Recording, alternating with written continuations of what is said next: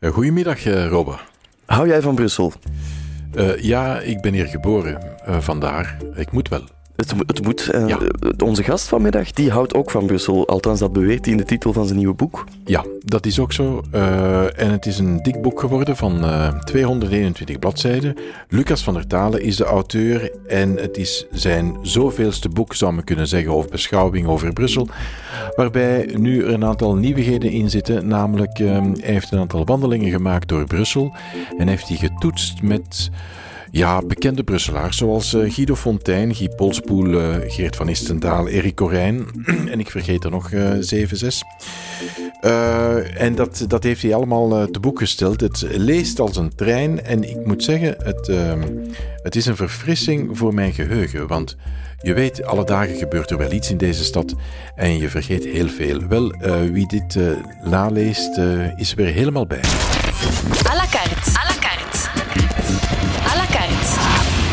Robbe Petitjean en Robert Esselings. Ja, Lucas, Brussel, de stad waar ik van hou. De titel zegt eigenlijk alles. Is het een Wiedergutmachung, zal ik maar zeggen? nee, ik heb altijd van Brussel gehouden. En als ik, als ik kritisch ben in columns of dingen schrijf over zaken die slecht functioneren in Brussel, dan is dat juist vanuit mijn liefde voor deze stad. Ik woon hier al 40 jaar, ik woon hier zeer graag. Ik zou in geen enkele andere stad in België kunnen wonen. Maar als er iets fout gaat, dan schrijf ik dat. ik denk dat het heel erg verkeerd is dat, dat we zo in een situatie komen waar als je, van, als je in Brussel woont, dat je Brussel altijd moet verdedigen. Uh, Brussel wordt natuurlijk aangevallen door, door mensen met slechte bedoelingen, denk ik. Uh, maar je moet ook leren vanuit Brussel zelf te zien wat hier goed is en wat minder goed is en wat beter kan. Ja, in het boek uh, maak je een aantal wandelingen, je beschrijft die door Brussel en je toetst die aan gesprekken met bekende Brusselaars als Guido Fontijn, Guy Polspoel, Jari de Meulenmeester, Erik Corijn, ik zijn er nog een paar, Geert van Istendaal. Meestal respectabele zeventigers. Ja, de hele bedoeling van dat boek is eigenlijk geweest ook om een soort... om dingen door te geven. Ik ben zelf in Brussel komen wonen in 1980. Ik kende die stad bijna niet. Ik heb heel veel gelezen. Uh, ik heb naar tentoonstellingen geweest en, en dingen... Um, als, als historicus heb ik dingen geleerd over deze stad. Uh, en dat heb ik onder meer geleerd van mensen die ouder waren als ik. En ik vind dat dan belangrijk dat je die dingen doorgeeft. Want ik denk dat er weinig mensen weten bijvoorbeeld wat er vroeger was op de plaats waar parking 58 is afgebroken nu bijvoorbeeld. Dat daar centrale hallen waren. Dat heb ik zelf moeten ontdekken, want die waren al verdwenen toen ik, uh, toen ik geboren werd. Ja, er is een, tussen een vraag binnengekomen van een zekere Caroline Top. En die vraagt zich af: op welke manier zie je ouderen meer participeren, behalve dan door een boek te schrijven, aan het maatschappelijk leven dat in Brussel gedomineerd wordt door de jongere bevolking? Je hebt hier meteen uh, kritiek. Ja, dat, ik vind dat geen kritiek. Integendeel, het, het maakt in feite een beetje deel uit van mijn demarche. Ik ben zelf 61 en ik, ik, ik heb bewust gaan spreken met mensen die ouder waren uh, dan ik. Juist omdat er een deel van die herinnering aan vroeger dreigt verloren te gaan. Dus ik vind dat er, dat er ook in de media een discipline zou moeten bestaan. Uh, dat je ook eens gaat uh, praten met mensen die, die weten van waar wij komen. anders kan je bepaalde zaken in Brussel niet begrijpen. Je, je kan je moet echt met mensen gaan praten die zeggen van kijk, er is in Brussel dat gebeurd. Uh, en dat, dat heeft desastreuze gevolgen gehad. Volgens mij is de Noord-Zuid-verbinding zo'n verhaal. Ik heb het ook proberen te vertellen. En ik denk juist dat oudere mensen die dat meegemaakt hebben, dat die daar heel nuttige zaken kunnen uh, over, uh, over gaan vertellen.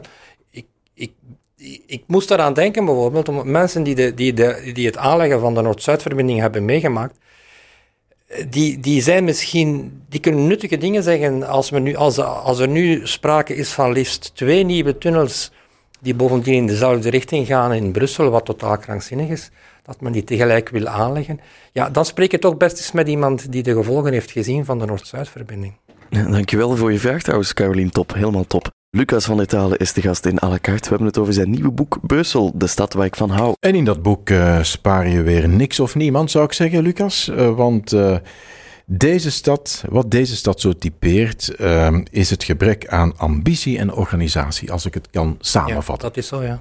in de loop der eeuwen bijna, of eh, in de loop der jaren. hè. Ja, maar het is, het is eigenlijk een stad die geweldig geëvolueerd is de laatste eeuw, zullen we maar zeggen. Eh, en die nog altijd eh, die, die die typische Belgische eigenschap ook meedraagt dat instellingen worden gecreëerd en nooit worden afgeschaft.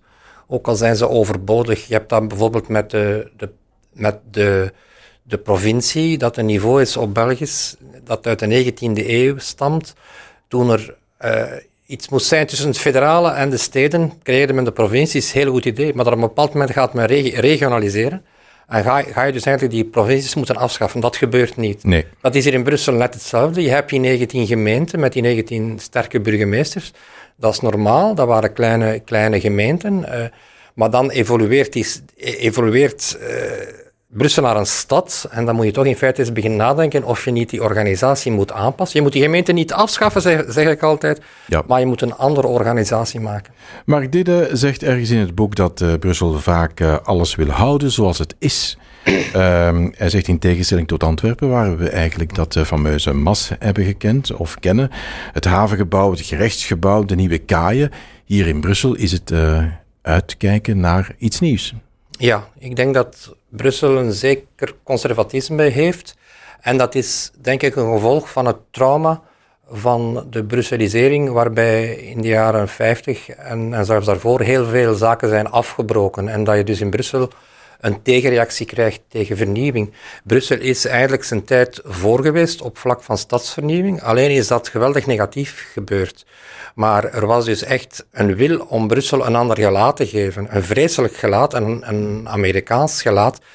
Maar je kon Brussel toen niet beschuldigen van stilstand. Alleen heeft men de verkeerde dingen afgebroken en heeft men in de plaats eh autostrades in de stad aangelegd, heeft men het hele stadscentrum vernietigd met de Noord-Zuid-verbindingen. Ja, je klaagt ook over de toenemende intolerantie en over eh, het toenemende, het toenemende extremisme.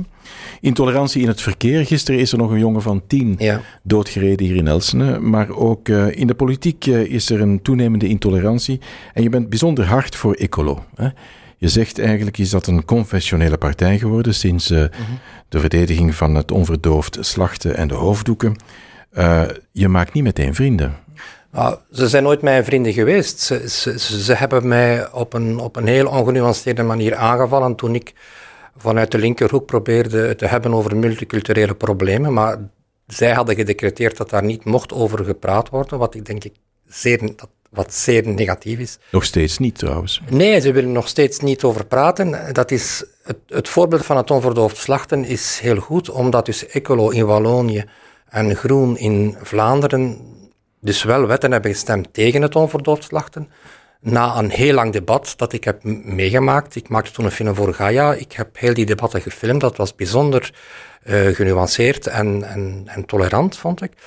En dus ze stemmen dat in Wallonië en ze, en ze willen dat niet in Brussel stemmen. Dus dan kan je toch niet anders dan zeggen dat ze, dat ze, ja, dat ze toch zeer hun, eigen principes in feite verloochenen. Want ze, eh, Ecolo is, altijd een partij geweest die dierenrechten hoog in zijn vaandel heeft gevoerd. En dan laten ze die volledig vallen, eigenlijk alleen om electorale redenen. Ja, je slaat en zalft ook in alle richtingen, ook eh, vooral slaan zou ik zeggen. Eh, VGC, het Vlaamse Gemeenschapscommissie, noem je het smurfenparlement. Ja, die uitdrukking komt niet van mij, die, die komt van iemand van, het, van de VGC zelf, die wel beseft dat dat in feite een parlement is waar toch enige aberraties in zitten. Zoals?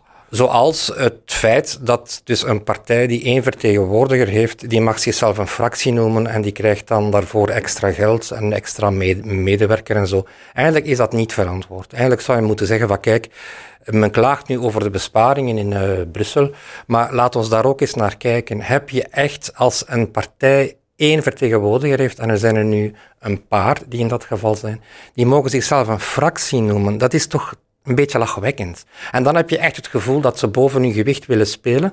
Dat is hun probleem. Hè? Maar wat ik niet kan verdragen, is dat, dat is dat dat echt geld kost. En dat als ik dan daarover kritiek, want dat is uh, een onderzoek geweest dat ik samen met een andere journaliste van KNAK gevoerd heb.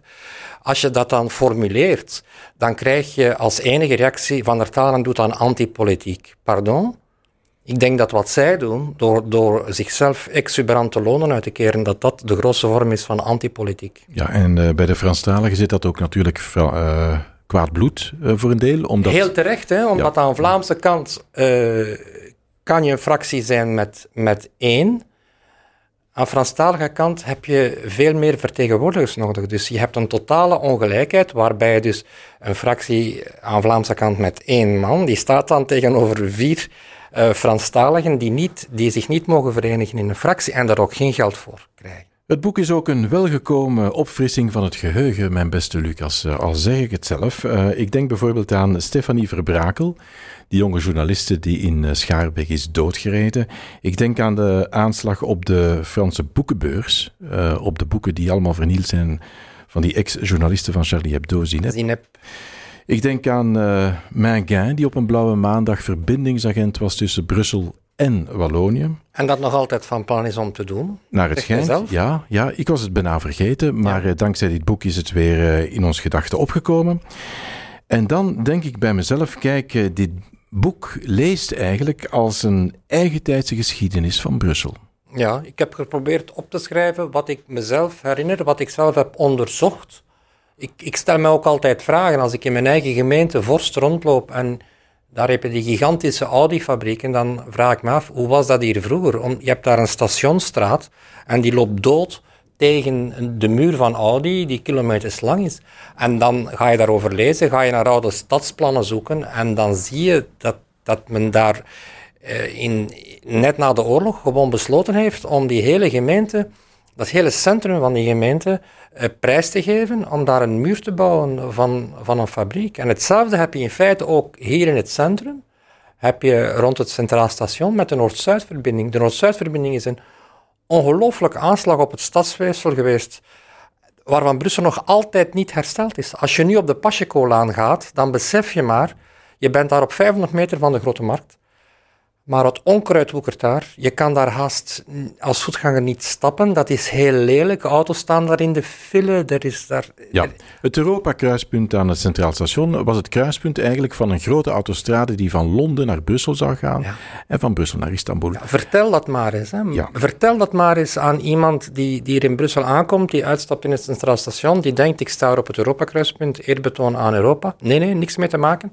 Op die plek moesten de autostrades van Istanbul en Londen elkaar ontmoeten. En dat is geen grapje. Je kan daar de sporen nog van zien. Dus de Pacheco-laan is een heel brede laan. Dat is een aangelegd stuk van die autostrade. Ja. Die dan zo voorbij de Albertina, langs waar nu de, de, het PS-hoofdkwartier is en, uh, en de bowling... Mm. Die stopt aan de Marollen, maar eindelijk moesten de Marollen er ook aan geloven en zou die autostrade dus zo doorgelopen zijn tot aan uh, het hoge punt van Elstenen op de grens met Oudregem in aan Delta. En in Delta, als je de autostrade naar namen neemt, kan je dat nog zien. Dus dat is zo leuk als je dat weet. Zie je? Ja. En ik probeer dat door te geven. Iedereen vraagt zich af, hoe komt als je op die autostrade naar namen dat je dan moet naar rechts rijden. En zo in een heel vreemde lus kom je dan op de autostrade. Een haarspelbocht eigenlijk. Ja, die ja. lus is de aanzet van de autostrade die er moest gekomen zijn. Ja, er is ook een passage over uh, de jodenvervolging in de Tweede Wereldoorlog. Ja. Ik wist het eigenlijk niet dat er in Kuregem en in de Marollo zoveel uh, volk is opgepakt. En je verwijst ook naar Herschel Grinspan. Ja, uh, ja daar, daar stond ik van te kijken eigenlijk, van dat verhaal. Ik kende dat verhaal ook niet. En ook dat is iets dat ik probeer door te geven. Hij heeft nu een, een, eigen pleintje gekregen. Het is weer op zijn Brussels. Het, is een heel lelijk pleintje. Maar enfin, het komt erop neer dat die man uh, in, in, in de Marollo woonde met zijn hele familie. Uh, maar dat hij zo, een stuk van zijn familie zat nog in het buitenland. Hij wou dat die naar hier kwamen, maar dat was in, in volle jodenvervolging.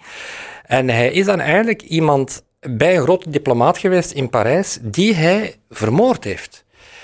En dat is de aanleiding geweest, de officiële aanleiding van de nazi's, om de kristalnacht te lanceren. Hij werd dus de ideale zondebok om de kristalnacht te, te, lanceren. En die man die woonde in de Marollen, en dat weten zeer weinig, weinig mensen. En daar zitten een aantal heel, heel ontroerende verhalen aan, die ik ook wil doorgeven, omdat, ja, hoe zou je ze anders hoe zou je ze anders ooit weten? Ja. Ik probeer een populair boek te schrijven dat door mensen gemakkelijk gelezen kan worden. Dat je niet moet gaan zelf die opzoekingen doen. Hoe was dat met de Joden in de Marollen? staat allemaal in mijn boek. Ja, dus, eh, en dat pleintje, eh, Herschel Greenspan eh, Square, dat ligt in de schaduw van de Kapellenkerk? Ja, in de schaduw van de Kapellenkerk aan het, aan het einde van de Huidenvetterstraat. Daar is dat pleintje nu. Dat is, een, dat is eigenlijk geen pleintje hoor. Dat is gewoon een hoek waar een bank staat.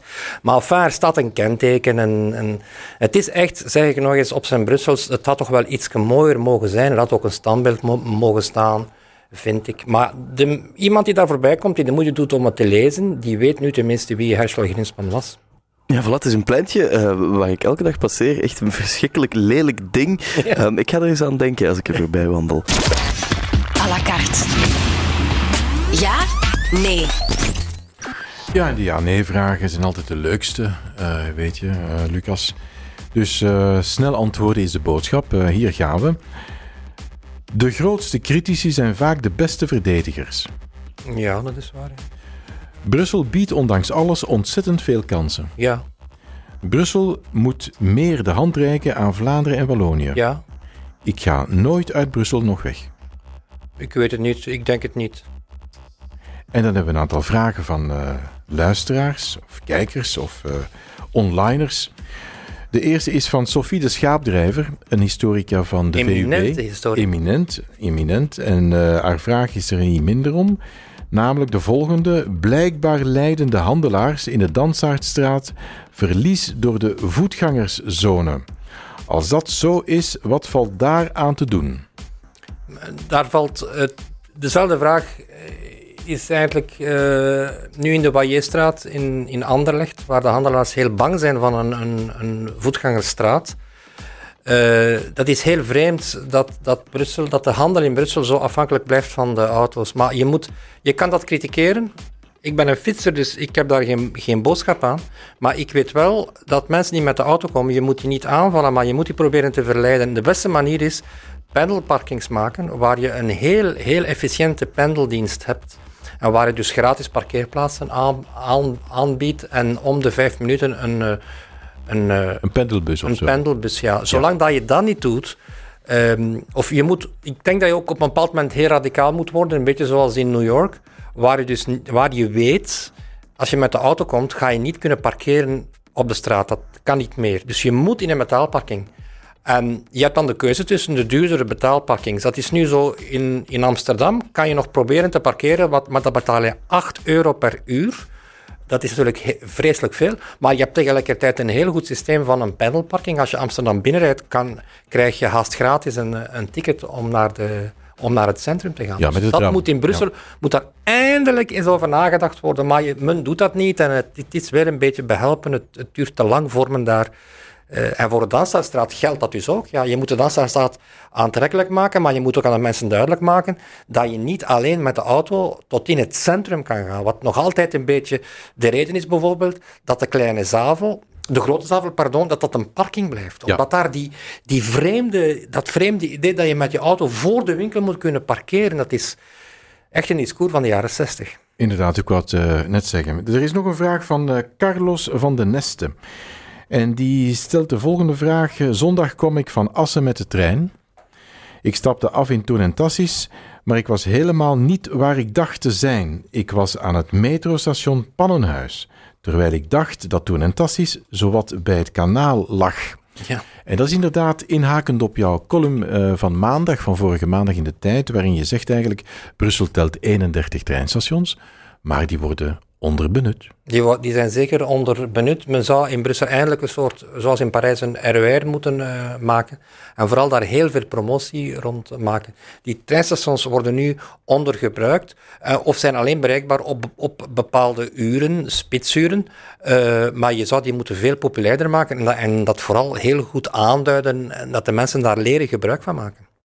En wie eh, Lucas van der Talen in levende lijven wil ontmoeten, die moet eh, nu zaterdag naar de Standaard Boekhandel gaan in Brussel. Want om half drie is daar eh, de presentatie van het nieuwe boek Brussel, de stad waar ik van hou. Half drie dus boekhandel De Standaard in Brussel, nu zaterdag. En natuurlijk neem ik aan, mijn beste Lucas, dat je ook voor je klanten al die boeken zal signeren. Met plezier. Ja. Het is intussen jouw achtste boek. Ja. Uh, hoe doe je dat eigenlijk, al die boeken schrijven? Maar ik, ik uh, schrijf regelmatig columns en veel van die columns herwerk ik. Ik neem ze dus, ik heb dat vroeger wel gedaan, een, een columnboek geschreven, maar ik heb die nu allemaal herwerkt. Ik schuif die ook in elkaar. En ik heb heel veel nieuwe dingen gedaan hier. Ik heb dus uh, een tiental mensen geïnterviewd, wat voor mij ook altijd heel plezierig was om dus met die, met die mensen die ongeveer tien jaar ouder zijn als ik te gaan praten. Hoe was Brussel voor ik hier aankwam? Hoe was het bijvoorbeeld, wat deze generatie, de, de jonge generatie niet meer weet, is hoe was, hoe was het om toen Vlaming te zijn in uh, Brussel? Zonder uh, extreem Vlamingant te worden, is het toch wel interessant van dat te weten. Wat er hier, wat hoe Vlamingen zich moesten beredden hier en hoe toch wel heel vaak vernederd en beschimd werden. Ja, we hebben hier allemaal het, uh, de opkomst van het FDF gekend. Natuurlijk. de jaren zeventig. maar kijk, nu is er een kantelmoment. Je ziet dat het FDF bestaat niet meer. Dat is Defi, die, die oude leider Mangin vertrekt. Er komt daar een, nieuwe chef die eigenlijk absoluut geen Frans Quillon meer is. Maar men zal dat dan vergeten. Maar ik vind het altijd interessant van te zeggen, kijk, nu denk jij dat dat Defi, dat dat een, een, een wat men dan noemt een links-liberale partij is. Dat, is. dat is ook zo waarschijnlijk. Maar die hebben ook een vervelend verleden. En net zoals bij N-VA al, altijd zegt, ja, maar N-VA heeft toch een heel zwart-bruin randje. Ja, kijk dan eens naar het verleden van, van Defi. Dat is ook niet fraai.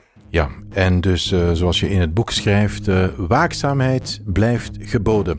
Inderdaad. Ik uh, dank je zeer, Lucas van der Talen, en veel succes en veel boeken verkopen, zou ik zeggen.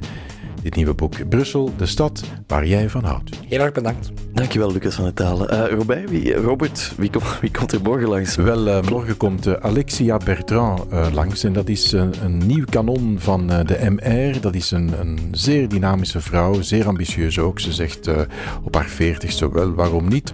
Als men mij vraagt om premier te worden van dit land, zeg ik misschien niet nee. Ik zou dus, daar ook niet nee op zeggen, natuurlijk. Ja, voilà. Dus dat vind ik een logisch antwoord. Mensen, met ambitieuze mensen gaan wij samen de deur uit. Voilà, en gaan we dat in het Frans doen of in het Nederlands? In, zij is viertalig, mijn beste Robbe. Dus uh, Nederlands vlekkeloos. Zij is eigenlijk... Uh, uh, komt uit een Antwerpse familie, Franstalige Antwerpse familie. Maar enfin, alles vertellen we morgen. Voilà. Het is een fenomeen. Ja. Vier talen, we hebben, er, we hebben er genoeg om uit te kiezen. Dat is voor morgen.